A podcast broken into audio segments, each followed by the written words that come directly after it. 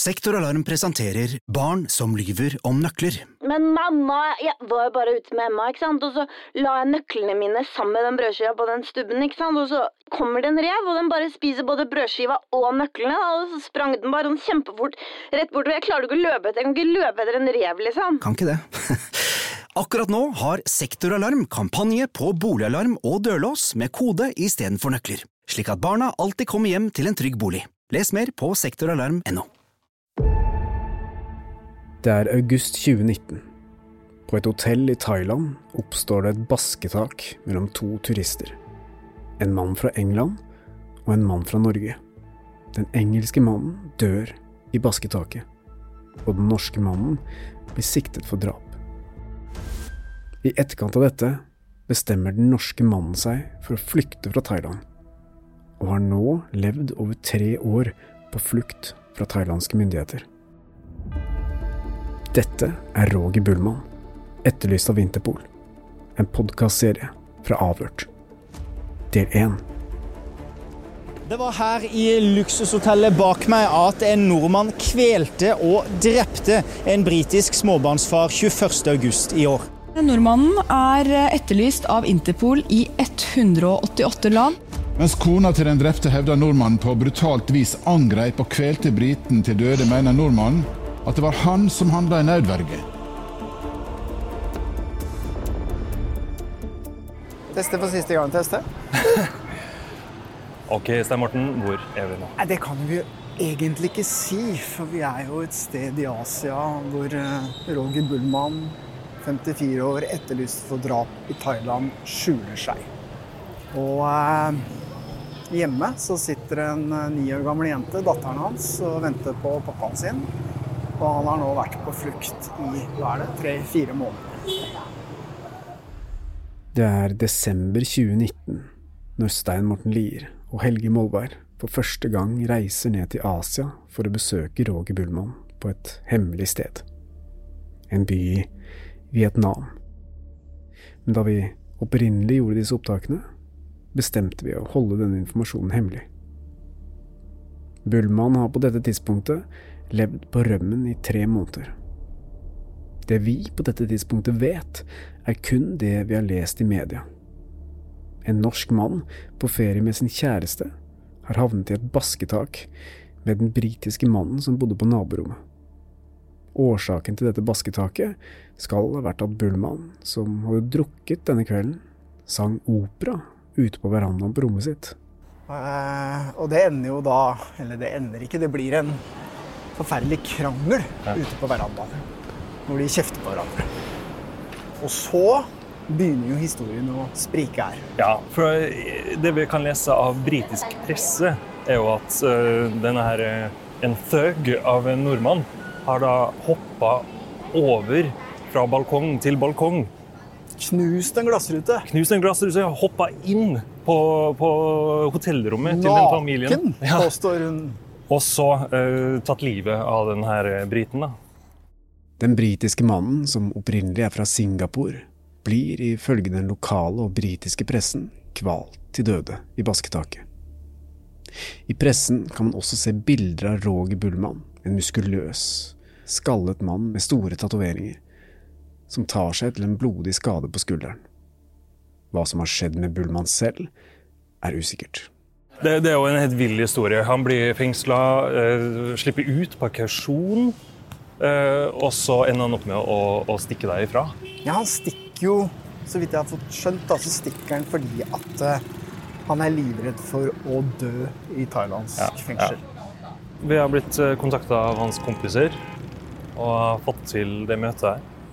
Disse vennene til Roger har jo gitt oss noen adresser i denne storbyen. Men vi vet jo ikke helt hvor han er Han, Altså, han flyttes jo hele tida. Og alt ser likt ut. Eh, og de gatene heter jo mye av det samme. Tror du det er en her? Ja, prøv der. Okay. Altså, jeg vet ikke om det skiltet peker på den gata eller den. Ja, prøv å gå inn den døra der. Bare gå inn og spørre. Ja, jeg står og venter her. Det er vanskelig å navigere i de trange bakgatene i den travle byen. Spesielt når de ikke har noen måte å ta direkte kontakt med Bullmann på. så de bestemmer seg for å ringe Bullmanns kompis i Norge.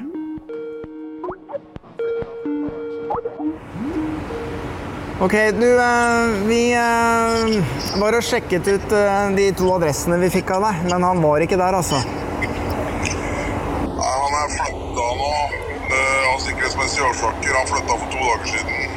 Ok, Jeg kan eh, sende deg eh, adressen eh, ganske snart. ja, kjempefint. Er det, men det er fortsatt i byen her, ikke sant? Ja. Ok. Nei, men se med adressen, da, så får vi håpe han er der. Det skal jeg gjøre. Kjempefint, da. Takk skal du ha. Føler du at vi er nærmere målet? Ja, nå er jeg ganske sikker på at vi vet hvor han er, altså. Siste adressen som ble bekrefta nå, er jo rett her oppe, så vi får bare håpe at vi eh, Vi finner det. Det er ikke så lett. I hvert fall ikke noe problem å gjemme seg borti det kaoset her. Altså, det er jo Hvordan skal du finne noen her, liksom? Men det skal være i området her, altså, ifølge den adressen vi fikk oppgitt, i hvert fall.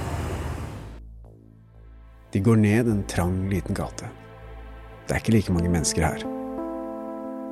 I det blå neonlyset fra en massasjesalong kan de skimte en mann med brede skuldre, skyggelue, solbriller og munnbind. En mann som skiller seg veldig ut fra de andre menneskene i området. Det, Sjekk der. Der står det en fyr med maske. Og solbriller. Han ser ikke ut som han er asiat, i hvert fall.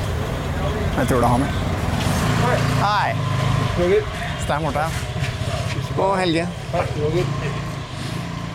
Vi, Ok, Nå eh, følger vi på Roger, i hvert fall han som hevder å være Roger, eh, inn en veldig trang eh, bakgate her.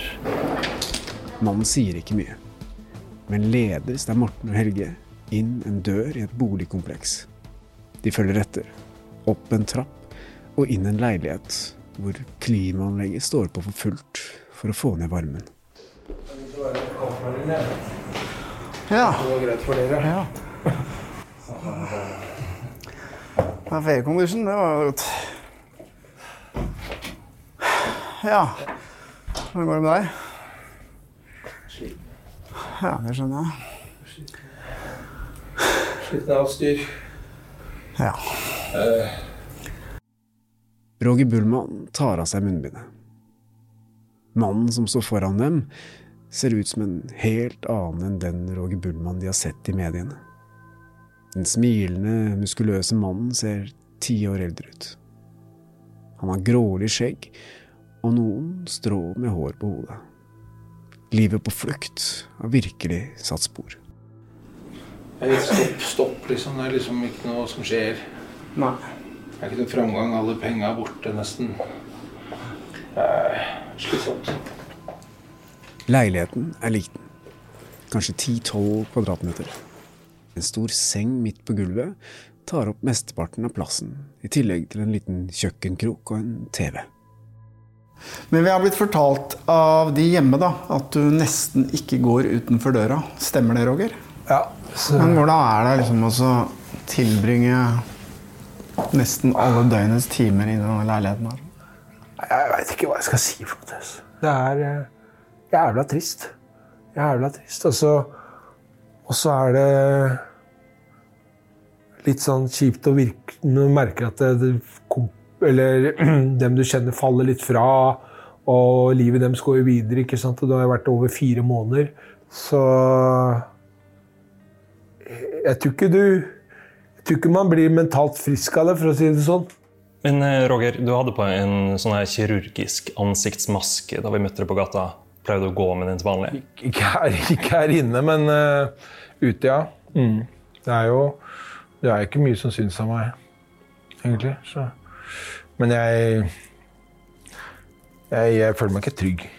Jeg prater jo ikke med folk, og jeg, jeg har ikke noe Jeg har ikke noe liv. Så jeg egentlig bare forventer å bli tatt. Men Roger, du er jo etterlyst for drap etter den hendelsen som da skjedde på det hotellet du bodde sammen med kjæresten din. Den britiske statsborgeren på naborommet ble jo drept. Kan ikke du hjelpe oss å forstå hva som egentlig skjedde den kvelden? Kan jeg først få kondolere til den familien og si hvor lei meg jeg er for det som har skjedd? Selvfølgelig skal du få lov til det. Jeg vil gjerne si at jeg er utrolig lei meg for det som har skjedd, og skammer meg veldig. Og det skulle aldri ha skjedd at en liten gutt har mista faren sin. Og en, en, ung kvinne er blitt enke på grunn av meg. Det skulle aldri ha skjedd. Noen ganger skulle jeg faen meg ønske det var meg, så slapp jeg dette her. Så jeg, skjønner, jeg ser på han som en uh, Han mannen som en slags helt. Prøv, jeg, jeg, tenker han prøvde å beskytte den lille familien sin, som jeg ikke ante om uh, var der engang. Og at han ville sette en stopper for det der belginga og skrikinga og det der greiene mitt. Jeg, eh, hvis jeg noen gang kunne få prata med han gutten, og sånn, så hadde jeg sagt at faren hans var en helt. Han prøvde å redde deg og mammaen din. Uh, og hun jenta mi hun har ikke gjort noe annet enn bare bra. Og hun fortjener faen ikke å miste faren sin. Altså. Jeg veit at jeg har driti meg skikkelig ut og gjort noe ordentlig gærent. Og jeg syns så synd på han gutten som har mista pappaen sin, men jeg skulle ønske det var mulig at uh, Norge skjønte det at uh, det er ikke noe bra å ta fra meg. Henne og henne meg. Um, jeg kunne, kunne bare hjelpe meg hjem, så kunne jeg få en straff, samme hva det var. Men akkurat nå Hva tenker du? Hvordan tror du dette kommer til å ende for deg? Jeg tror jeg blir tatt. Til høyre for dere når dere går ut fra hotellet, så er det britiske konsulatet og franske konsulatet. Og det er de som er britene som er mest interessert i meg, tydeligvis. Og det er kameraer overalt her. Og jeg må ut og kjøpe mat uansett. Hvis ikke så overlever jeg jo ikke. Og det er en, en, eller annen, en, eller annen, som sier bare plutselig er ikke det han der, og så tar et bilde, og så er det gjort. ikke sant? Så blir jeg tatt. Det var nesten lettere i begynnelsen, når eh, jeg bare var opptatt av meg sjøl og hva som skjedde. Før jeg begynte å tenke litt og fikk de brevene og greier. Så, så er det ikke meg, det er jeg. er jo 54 år. Jeg, jeg, det er ikke så farlig med meg. Jeg skulle ønske ønske hun slapp det.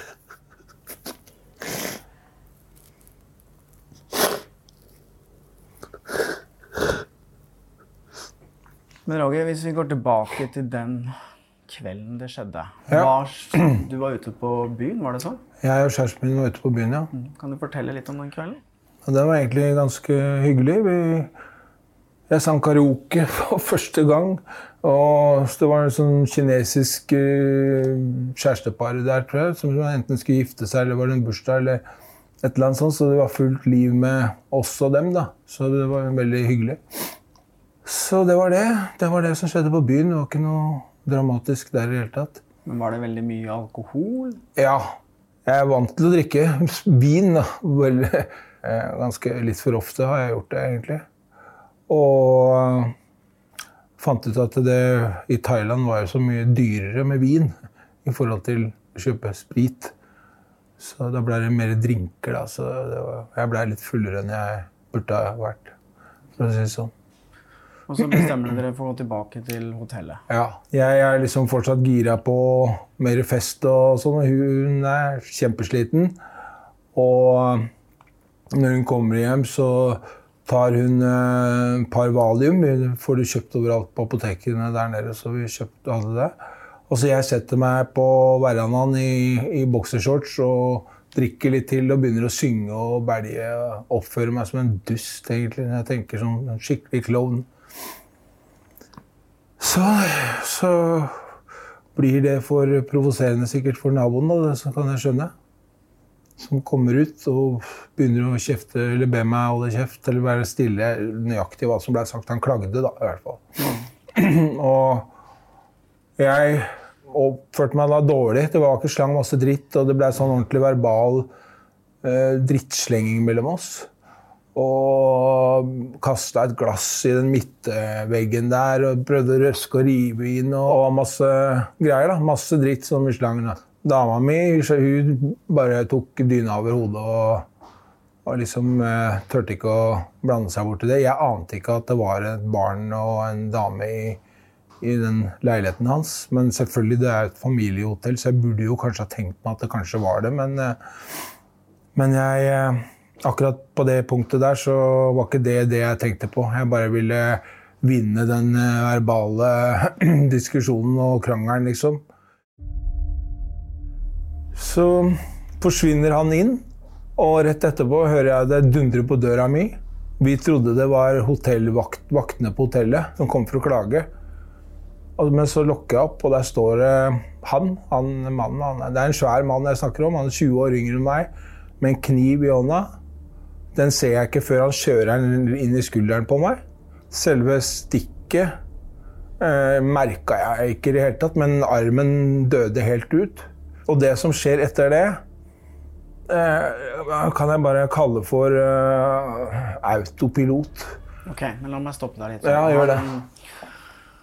Han kommer på døra di, og Mm. du åpner opp. Mm. Og så uh, går han rett til angrep og stikker deg med kniv i armen. Har du et arr etter det? eller? Så Ja, det er jo tatoveringer der, da, så det er Ok. eh, umulig å se det. Okay. så, men det er jo i politirapporten og på sykehuset, og jeg har vært på sykehus og blitt sydd. Og, okay, så du havna på sykehuset og fikk sydd? ja, ja, jeg måtte på sykehuset. Blod spruta ut, pumpa ut derfra. Den eh, kniven var vanlig sånn smørekniv, men den bøyde seg i det humerus eh, øvre overarmsbeinet. da. Det fikk jeg høre av politiet og sånn på sykehuset. Og det som eh, er greia, er at jeg har jo jobba som eh, vakt på legevakta i 14 år med rus og psykiatri. Og jeg har ikke tall på hvor mange ganger jeg har blitt angrepet på legevakta. Så når noe skjer sånn mot meg, så er det ikke noe jeg tenker på å gjøre tilbake. Det bare skjer. Det bare går av seg sjøl. Det er det jeg ikke er klar over. Du husker ikke Nei, jeg, for det går på autopilot, rett og slett. Jeg har tenkt på det etterpå. Jeg prata med det med kompiser på telefon som jeg sammen, har jobba sammen på legevakta i mange år. Hver gang vi har kommet til et ordentlig basketak der det har vært skikkelig brutalt, så er det nesten ingen som husker nøyaktig hva som har skjedd. Så vi har, da ser vi på kameraene etterpå. Hvis det, er, hvis det er kameradekning, så ser vi, og så går vi gjennom sakte eh, hele, hele opplegget, hva som egentlig skjedde her. Og det, da er det jo edru med et kamera og alt mulig sånn. Her var jeg full og blitt allerede stukket av en kniv. Så jeg veit at det er vanskelig for folk som ikke har vært i sånne fysiske konfrontasjoner noen gang, å skjønne at det, bare, det bare går på autopilot, rett og slett. Men hva er det neste du husker? Neste jeg husker, er at politiet holder med armen. Så fra han stakk deg med den kniven, Ja. til politiet sto og holdt deg, Ja, så husker du ingenting? Nei, jeg, husker, jeg visste ikke engang at jeg, jeg, uh, Alt var bare liksom uh, blurry. Jeg bare husker at jeg klarte ikke å løfte venstrearmen litt. Jeg kjente ikke selve stikket. Jeg skjønte ikke hva som har skjedd med en gang. Og, og, og da har jeg bare gått på, altså. Gått på. Og det er sånn Jeg vet ikke om du kan kalle det fight or flight-greie, men uh, som sagt, kjente ikke, kjente ikke selve hogget. Men eh, armen bare døde ut. Jeg vet ikke om du har vært borte og fått deg en skikkelig smell på skulderen eller en lårhøne, så du merker at det dør ut. Det er samme, samme, samme opplegg. Så da har det rett og slett bare gått eh, sånn som det eneste jeg kan skjønne, da har det gått på autopilot. Jeg husker ikke at jeg har kvært han eller noe som helst i det hele tatt. Men så kommer eh, neste husker altså politiet tar tak i deg, Ja. og så blir du frakta på legevakta. Hva skjedde videre? På sykehuset satt jeg og ble eh, skal jeg si, operert. Jeg ble sydd og rensa og, og sånne ting. Og så politivakt. Det var en politivakt som satt der.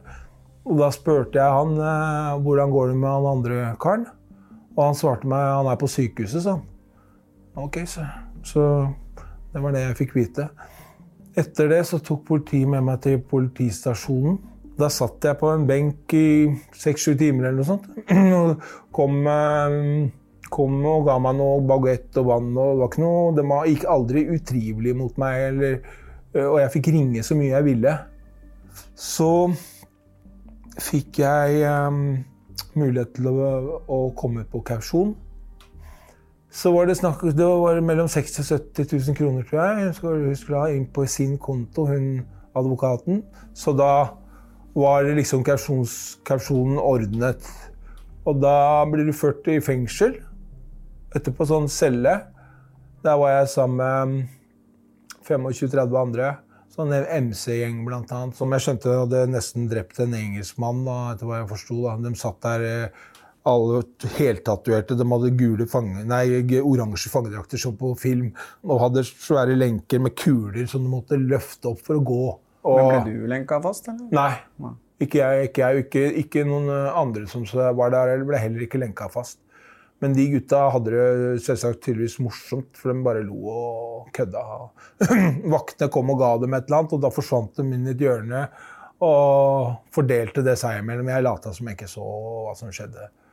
Var der noen timer, og så kommer uh, dem og roper opp navnet mitt og advokaten og sånn. Så må jeg skrive, og så kommer jeg ut. Og så det, var det tolv dager til neste gang jeg skulle ut på rettsmøte igjen, da, sier advokaten min.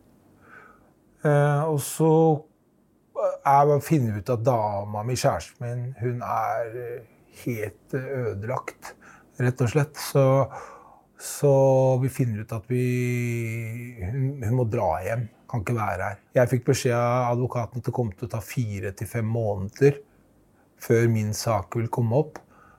Og jeg fikk ikke lov til å forlate Phuket, da.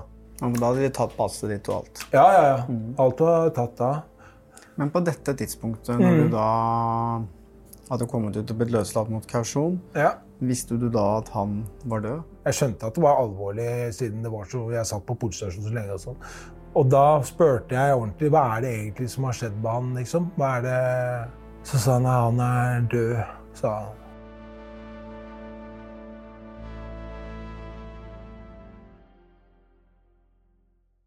Sektoralarm presenterer Barn som lyver om nøkler. Jeg var ute og spilte fotball med gutta, da, og så la jeg nøkkelen i gresset, og så kom det en struts, da, eller en flamingo eller noe sånt, og bare tok nøkkelen, og så ble han borte bare, nøklene og strutsen eller spurven. Sikkert. Uansett, akkurat nå har Sektoralarm kampanje på boligalarm og dørlås med kode istedenfor nøkler, slik at barna alltid kommer hjem til en trygg bolig.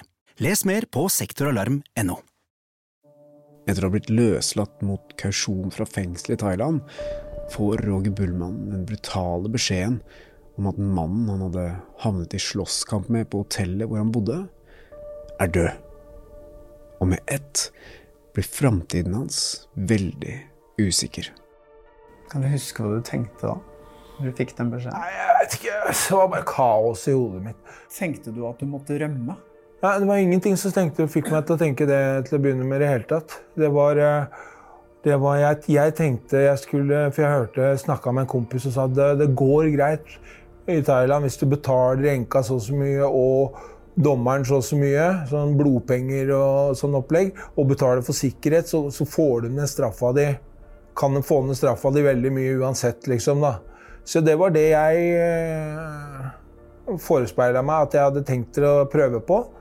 Du skulle rett og slett bestikke enka til Ingesmann for å få en lavere straff? Ja.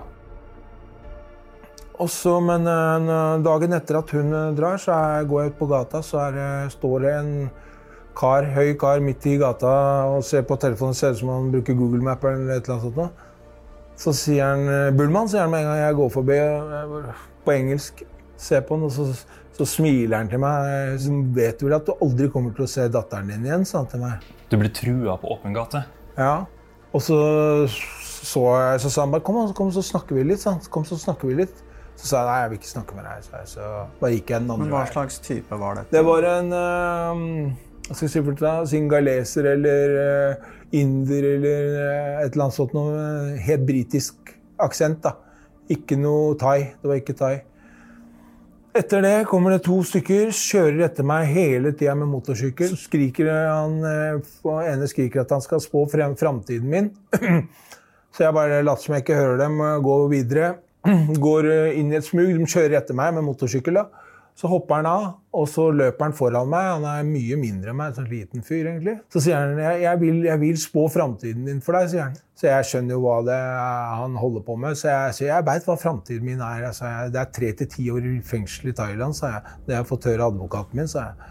Så bare snudde jeg meg og gikk. Så gikk jeg inn på et apotek litt seinere. Der kommer inn to stykker. Han ene går bort til meg og sier til meg at han visste hvem jeg var.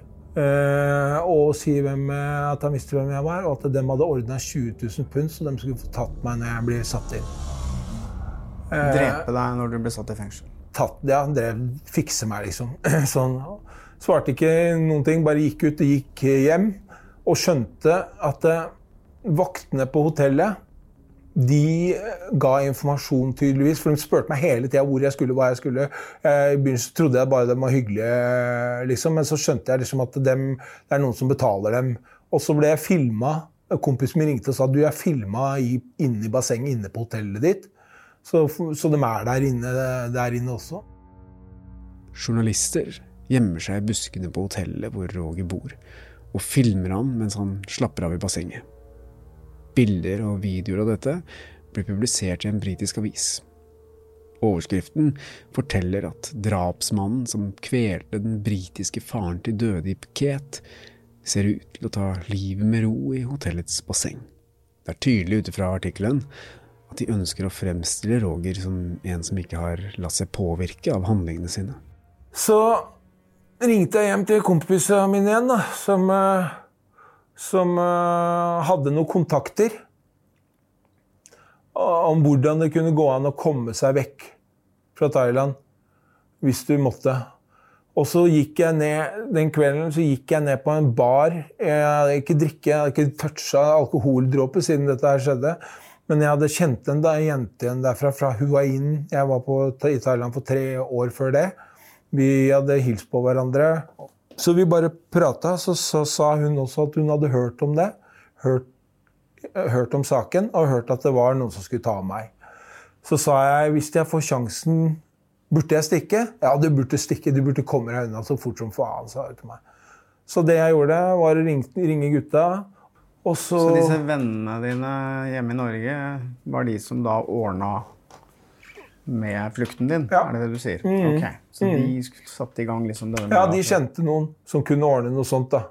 Og jeg bare gikk inn, tok med meg en liten sekk med noe undertøy. Noe sånne Avengers-figurer som jeg hadde kjøpt til dattera mi, for hun digger Hulk og Iron Man og de gutta der.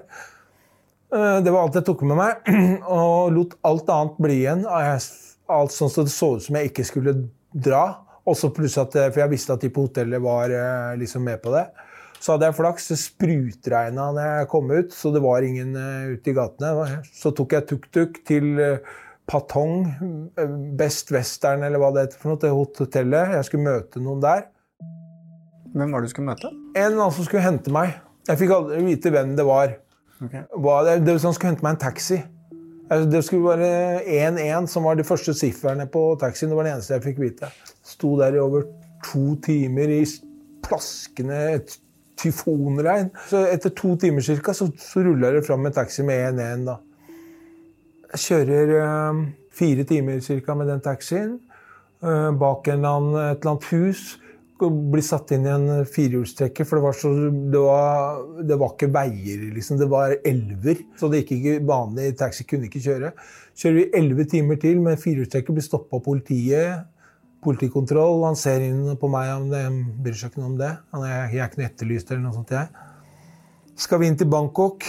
Jeg skulle møte en utafor McDonald's i med en sånn taxiholdeplass der. Ok, jeg blir stående der. Står der også i timevis. Og plutselig så kommer det bare en fyr gående forbi meg med singlet og solbriller. Så sier han Roger, sier han, så bare 'follow me'. Så, så, så går jeg etter han. Forsvinner inn i et sånt marked, sånn kjempetrangt eh, to meter breit, maks. Masse masse mennesker, så jeg tar sekken min og setter foran, bare durer etter han, han bare går på. Går ned, inn på et kjøpesenter, opp, og så og opp på sånn garasjeanlegg, og så ned igjen på andre siden. Og der er en annen som kommer hen til meg. Kjører meg flere timer og havner midt inne i skauen et eller annet sted. Det var helt umulig for meg å se hvor jeg var. Og så kom ut der, det er masse små barn som leker. Det er helt køla mørkt der. Det er ikke noe strøm eller noe sånt, ser det ut som. Og masse gjørme pga. alt regnet. Der begynner han sjåføren å diskutere med disse folka som bor der. Og da eh, blir de enige om et eller annet. Da. Dette er tydeligvis ordna på forhånd. Så blir jeg satt inn i en, eh, lastebil Så kjører han rett inn i skauen. Jeg trodde ikke det var mulig å kjøre der, men vi kommer oss gjennom der. da. Ut helt til han kommer ut på en vei på andre siden. For Der står en, en på motorsykkel og venter på meg. Ja, så sitter jeg på den motorsykkelen i timevis. Beina mine var helt eh, ødelagt, husker jeg. Kjører i timevis, og så havner jeg på en busstasjon. Da, jeg da jeg, har jeg vært i Laos, tror jeg. Tror jeg. Og men nå er jeg i Kambodsja. Og da havner jeg på en busstasjon og får beskjed om at den billetten er betalt. Skal kjøre den bussen til endestasjon, til, inn til, eh, sendt til hovedstaden. Kom ut der tidlig om morgenen, masse militærpoliti og mye søppel og masse sånne merkelig tilværelse, liksom. Og så Ingen som er der heller og møter meg. Men Eh, før du fortsetter, nå er du altså i Kambodsja. Eh, Men disse folka som da har hjulpet deg underveis, vet du liksom hvem de var? Nei, jeg aner ikke. Jeg, jeg fikk eh, beskjed Jeg skulle ringe et nummer da hvis jeg hadde problemer hele tida. En som het Mike. Kalte seg for Mike. Så jeg ble, fikk beskjed om å bli stående der jeg var. Og så venter jeg flere timer der òg. Kommer det en fyr på motorsykkel, henter meg. Kjører han meg Han kjører meg til en restaurant eh, som ikke er åpna, men så eieren kommer ut og hilser på meg. Og så spurte om jeg ville opp, og han hadde dusj. Og, og så spurte om jeg ville dusje og spise og sånn. Jeg, jeg tok litt grann mat. Jeg var, jeg var ikke akkurat så veldig sulten, for å si det sånn. Og ikke, jeg ville bare videre. Jeg ville bare videre. Men når du er i Kambodsja, da har du noe som helst plan om hvor du skal videre? Ja. Ok. Da har jeg en plan. Hva er den planen? Hva var den planen? eh, Jeg kjente til én kar som, som bodde i Vietnam. Jeg visste ikke om han bodde nord eller sør. eller Jeg har møtt ham én eneste gang i hele mitt liv. Så du hadde en kontakt i Vietnam som Jeg har aldri, da- aldri prata med han. Jeg har møtt den en eneste gang, hilst på den en eneste gang. Aldri prata med han. Og han har også en bror som er der, og de er ganske kjente i Norge. da. Kjent for hva da? Ja, jeg, jeg tror ikke jeg vil si det. Så jeg, tror, Ja, okay. jeg tror det er eh, farlig, rett og slett. Farlig. Ok, Vi trenger ikke å snakke noe mer om det hvis du ikke har lyst til det. Men hva skjedde egentlig videre? Ja, jeg ble sittende på den eh, kafeen, og så kom det en motorsykkel igjen. Og så kjørte meg til et, eh, et sånt kjøpesenter. Der var det en annen fyr som kom og møtte meg. En eh, veldig hyggelig kar som hadde noe hofteskade, husker jeg, som gikk veldig skeivt. Han sa til meg at han skulle følge meg til Vietnam. Og da skulle vi ta en buss til grensa. Vi skulle bare ta til grensa. Alle andre skulle gjennom grensa, så de måtte levere passet sitt. Vi skulle liksom spille kasino hos han på grensa. Eh, Så vi dro til grensa. Og da ville han eh, bare Når vi kom dit, så ville han bare ordne med en sånn, sånn motorsykkel som bare skulle kjøre meg til eh, selve grenseovergangen og så gi masse dollar til han fyren som satt der, og så skulle det være i orden.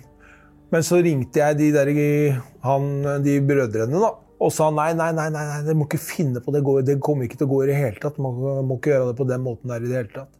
Men så ble vi enige om at jeg skulle vente på ved kasino. da. Og da venta jeg et par timer, og så plutselig så sto han ene, yng- yngstemann, da, yngstebror, og sammen med noen andre sto bak meg og ropte på meg. da.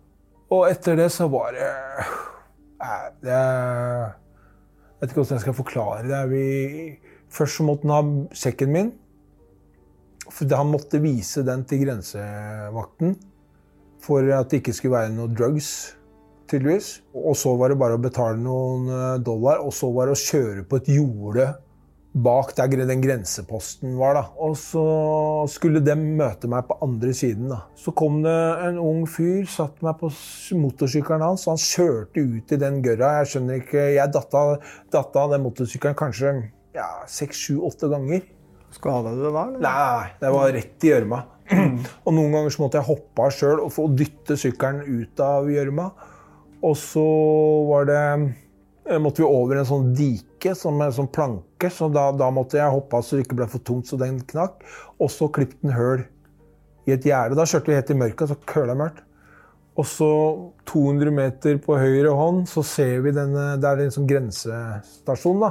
Og så lister han seg liksom ut på veien med den, og så gir han bånn pinne med meg bakpå på de såpeglatte veiene der. Og drar hetta si ned. Han satt, han satt hjelm på meg.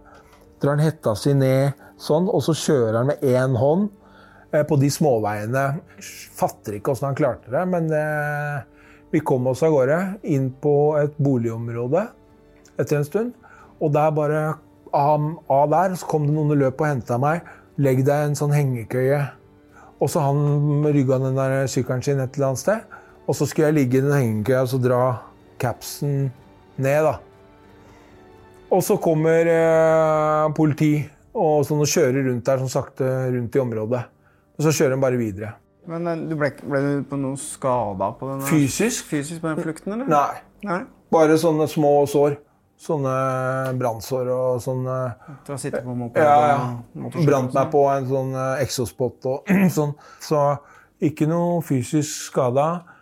Og så kommer han ene broren og henter meg med bil. Og da fikk han Han drev med å dyrka blomster. Som han solgte til markeder og sånn. Han bodde veldig ålreit. Og uh, var gift og hadde to barn. Og han yngste sønn han fikk de der Avengers-figurene mine. da. Så han, jeg var litt kul for han, tydeligvis. da. Mm. Så ligger jeg på en madrass der noen dager, på et rom. uh, og får masse mat, og, og, men får ikke gå ut, da. Så kommer han uh, yngstemann og henter meg. Han jeg kjente litt til eller hadde møtt en gang før. Eh, jeg visste at han var eh, farlig mann, men jeg trodde også at han var en, eh, en mann med ære. Han snakka veldig mye om ære og kjærlighet og sånn, så jeg, jeg, har møtt mange gærninger opp gjennom mitt liv, men som er bra folk allikevel. Da. Selv om han tok pengene mine. Da. Jeg hadde ikke noe penger. Ikke noe cash. Han tok alle pengene dine? Han tok dem ikke. Han lot meg bare aldri få, få penger. For jeg fikk jo et uh, mulighet til å bruke et kredittkort, men uh, det tok han seg av. Men noen ganger så kom han virka, virka seriøs, som han ville hjelpe meg i begynnelsen. Og han var på norske konsulatet og alt mulig og prøvde å snakke med dem. Og dem skulle da gi meg et nødpass. Det var det som var hele greia. Og dagen før jeg skulle få det nødpasset, så, så så slo UD gjorde noe UD et eller annet, så det ikke, Kanskje var da det eskalerte opp der nede etter rekonstruksjon eller hva det var. Og plutselig så var det Interpol og hele sulamitten. I etterkant av Rogers flukt fra Thailand deltar enken etter den britiske mannen i en rekonstruksjon av hendelsene med thailandsk politi. Og det er denne rekonstruksjonen som fører til at siktelsen mot Roger blir oppjustert til drap. Nå er det noe helt annet. Nå har det eskalert. Nå har jeg vært naken og som en sånn parkourutøver kasta meg over Det er jo 30-40 meter ned og over til den andre terrassen som advokaten min har vært der Eller han som skulle være advokaten min. Han har vært der og sagt at det er nesten fysisk umulig. Og jeg klarer det i hvert fall ikke, for å si det sånn. Så det er ikke det som har skjedd, men det er det hun sier. Og det blir jo ikke motsagt. Og da skjønner jeg jo, hvis jeg da er jeg jo, da er jeg jo kling gæren. Hvis jeg er naken og kaster meg over der gjennom en skillevegg, og så bare, bare rett og slett gått i angrep på han og begynt å kvele han, og han har begynt å prøvd å stikke meg med kniv mens jeg har kvalt han, så Så hun har misforstått den biten. Men at jeg, at jeg fortjener straff for å ha tatt livet av søn, faren, faren, til sønnen hennes og mannen hennes og sånn, det er jeg fullstendig enig i. For, fordi jeg starta å være som en idiot ute på verandaen der. Men når det faktisk ble fysisk, når vi traff hverandre fysisk, så ble det en nødvergesituasjon. Men eh, hva skjedde videre i flukten? da? Kan du si noe om han som skulle hjelpe deg? Han, han, hadde, han, var leder for en sånn gruppe, da, han fyren her. Som uh, gjør ting politiet ikke tør gjøre. Det er som hva da? Ja, som å, hvis to uh, Han forklarte meg masse om politikken og sånn her nede. Hvis to uh, forretningsmenn da, med veldig mye penger og veldig mye makt Har du veldig mye penger, så har du veldig mye makt i de landene her. ikke sant? Det har jo det i andre land òg, for så vidt. Men her nede er penger alt. ikke sant? Så hvis de har en har snytt den andre, så han ikke får noe penger, så tør ikke politiet å gå inn i det. for han han andre har for mye makt til at uh, de tør å gjøre noe med det. Eller i hvert fall sånn han forklarte det. da. Og det er, det er, ikke noe i det for dem. De får den samme lønna uansett. Uh, og hvorfor komme i problem med en, en kakse liksom, som har penger til å gjøre, lage problemer for deg? Da engasjeres dem gjennom et advokatfirma, som jeg, etter hva jeg skjønte. Og spionerer på den personen den der andre personen som liksom skylder disse pengene. Holder på, De er, de er 20 eh, stykker. Det var to jenter, og resten var gutter. Alltid svartkledde. Eh, og, og, og, når de finner ut hvor det er best mulig å ta han, så tar de han. Og så blir han eh, ofte frakta i bagasjerommet på en bil. Og han viste meg hvordan, hvor de kjørte, kjørte dem hen. Det var et sånt jorde de hadde leid av en bonde som ikke hadde noe, hadde noe der. Som bare godtok av at det skjedde ting der, men fulgte ikke med. At de gravde ned liket der? Nei, de gjorde ikke det. Altså, så, de skremte vettet av han der. Okay. De tok, tok han ut av bilen, og der står masse folk med machete. Og maskerte og svartkledde og sånn. Så gir de han en mobiltelefon og så har han 40 minutter på seg, sa han alltid. 40 minutter på seg å ordne de pengene. Og da skal de ha 25% av det. Ok, Så ren torpedovirksomhet, altså? Ja. ja.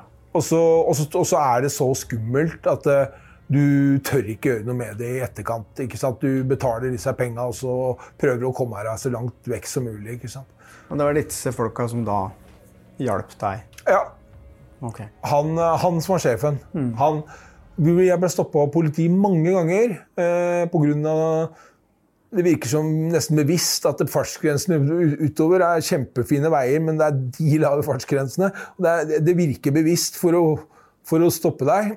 Så vi ble stoppa mange, mange ganger. Og han bare går ut og viser fram mobiltelefonen sin og hvem han er, og sånn, og så bare, bare sparker han småstein og så bare, ja, bare kjør videre. bare kjør videre. Så de har full eh, respekt for han, eh, redd han. Vi var på en sånn frisørsalong skulle prøve å fikse litt på skjegget. og sånn. Han syntes han gjorde så dårlig jobb, så han skjelte dem ut. Ringte eieren, venta vi til eieren kom, og sparka han, så han fikk sparken foran ansiktet på oss, han der gutten som jobba der. Så Sånn var han overalt. I alle butikker og alt som var, så var han helt sheriff, helt konge. Så du skjønte at han hadde, hadde litt makt, da. men han var samtidig veldig grei mot meg. da og snill og, og, sa at inni hjertet sitt så følte han at, uh, at han fikk ikke ro før jeg kom meg i sikkerhet og, og sånne ting. Så, det her uh, høres ut som du er tatt under vingene av en eller annen mafiaboss. Jeg regner med at du måtte betale for det her? Eh, han tok 10 000 kroner i uka. For 10 000 kroner i uka? Ja, men det var greit. Han som hadde skaffa meg et sted å bo, han ordna meg mat, og han han øh, gjorde så jeg følte meg sikker. Pluss at en gang iblant så kom han med en av disse soldatene sine, øh, som han kalte dem, og så kjørte vi til sånne steder han visste ikke var noe folk. da, som vi, Sånn svær Jesus-statue, sånn som blant annet der er, og, og tempel og sånn. Så vi, jeg fikk se litt sånne ting noen ganger, da. Og, men så plutselig så var det to uker han ikke dukka opp, da. Men så begynte han å skjønne at jeg kom meg ikke hjem. Jeg fikk ikke dette nødpasset. Skjønte at jeg kanskje var en slags melkeku for han. da. Og da begynte det å dukke opp masse sånne uventa problemer, som at han trengte 2000 dollar, for det var en løve, som han alltid kalte dem, som eh, hadde fått press fra thai, thailandske agenter om at jeg muligens befant meg her og at dem da måtte gjøre noe med det. Også for at han løven da, skulle berolige de andre, så trengte han 2000 dollar. da. Jeg trodde, jeg trodde, ikke noe på det. altså. Jeg trodde ikke noe på det. Og, de, og kompisen min hjemme var fly forbanna for pengebruken. ikke sant? Eh, men jeg turte faen ikke noe annet enn å bare late som jeg trodde at dette var sant. Og, og betale for for jeg hadde ingen andre å forholde meg til. Ingen andre kunne engelsk heller. Ingen kan engelsk, nesten. Det er nesten umulig å forklare seg. Eh, og han kunne norsk og, og dette språket her, så det var liksom så hadde, Og så var han såpass skummel som han var. Men hvordan, hvordan fikk du tak i disse peng, alle pengene? Eh, lånte. Hjemme. Så de ble sendt Ja. Ok. Eh, ikke til meg, Nei. til han. Pengene ble sendt til han Ja. fra Norge. Ja. Så du bor altså hos en fyr som du så vidt kjenner fra Ja. før av. Og som du sier er leder for en nesten en kriminell gruppe. Ja. For meg så høres det jo nesten ut som dette er en slags mafia. Og han holder deg innesperra hele tiden. Du får lov å gå ut noen få ganger hvor han følger med deg. Og dette betaler du liksom titalls tusen kroner for. Det høres ut som du har blitt kidnappa. Du har hørt første episode i serien om Roger Bullmann, etterlyst av Interpol. Avhørt er produsert av Batong Media. Redaksjonen vår består av Stein Morten Lier, Helge Molvær og Lars Christian Nygårdstrand. Og du finner Avhørt på Facebook og Instagram. Vil du høre eksklusive episoder av Avhørt? Gå inn på podmy.no, eller last ned Podme-appen.